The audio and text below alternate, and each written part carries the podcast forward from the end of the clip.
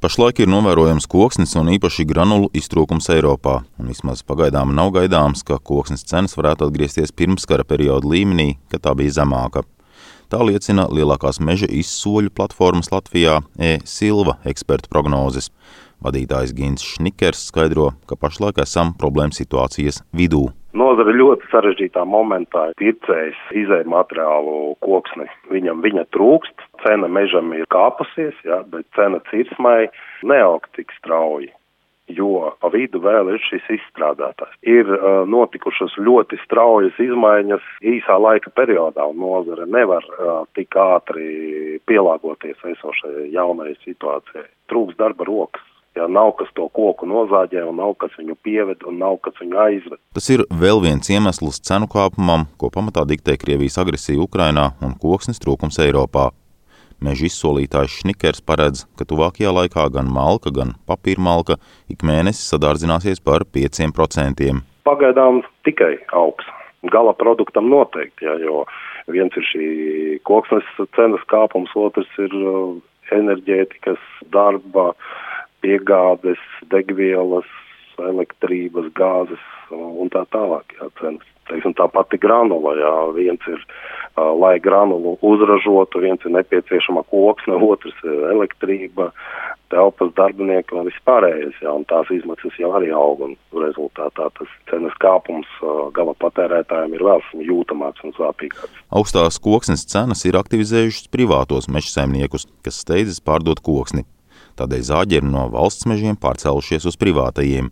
Tā saka Latvijas Neatkarīgo mežstrādātāju asociācijas izpildirektors Artūrs Bukons. No otrā stāsta daļa atkal iet uz kājām gaisa apgrieztais koksnes tirgus, kur ierastas augstā mazvērtīgā koksne, ja koksne enerģētikai sāk pārsniegt un sasniegt lietas koku cenas. Attiecīgi arī šobrīd meža īpašnieki primāri, nu, ja ne primāri, tad lielā daļā gadījumu mežā iet nevis kā ierasts pēc vaļņa un zāģu materiāla, zāģvaļņa, bet iet pēc malkas. Praksē tas atkal nozīmē, ka mērot, nu, varbūt kubikmetros uz vienu mežstrādes tehnikas vienību, strādājot šādās audzēs ar zemāku krāju, ar sarežģītākiem apstākļiem uh, izvešanā, mēs vienā un tajā pašā laikā, laika vienībā saražojam, nu, principā mazāk koku. Tāpēc gan mazliet pārspīlēt sakot, dīkā stāv zaļbaļķu un finerkluču ražotāji šajā tirgū pastiprinot deficītu un audzējot izēju materiālu cenas. Skaidrs, ka viņš tāds pakalpojums sniedzēji, arī ņemot vērā to, ka ir problēmas cīņā par, par darba spēku, un tātad vienīgais risinājums ir augstākas algas izvēlējās savas prioritātes pārlikt uz privātajiem mežiem. Tas sagādāja zināmas, jā, tiešām problēmas valsts mežu sektorā. Labā ziņa tāda, ka šobrīd mēs arī valsts mežos redzam skaidru plānu, ka kādā veidā to, kas mums trešajā ceturksnī ir iekavējies, mēs līdz gada beigām varam saražot, jā, prasīs pārplānots, uh, un, un tas būs izaicinoši pašiem kokapstrādes uzņēmumiem, jo viņiem arī ir savi līgumi ar klientiem par piegādēm. Bet jā, mēs redzam, ka izdarīt to varēs kaut kāds kopapjoms varbūt būs nedaudz mazāks, kā, kā bija plānots pašā, pašā sākumā.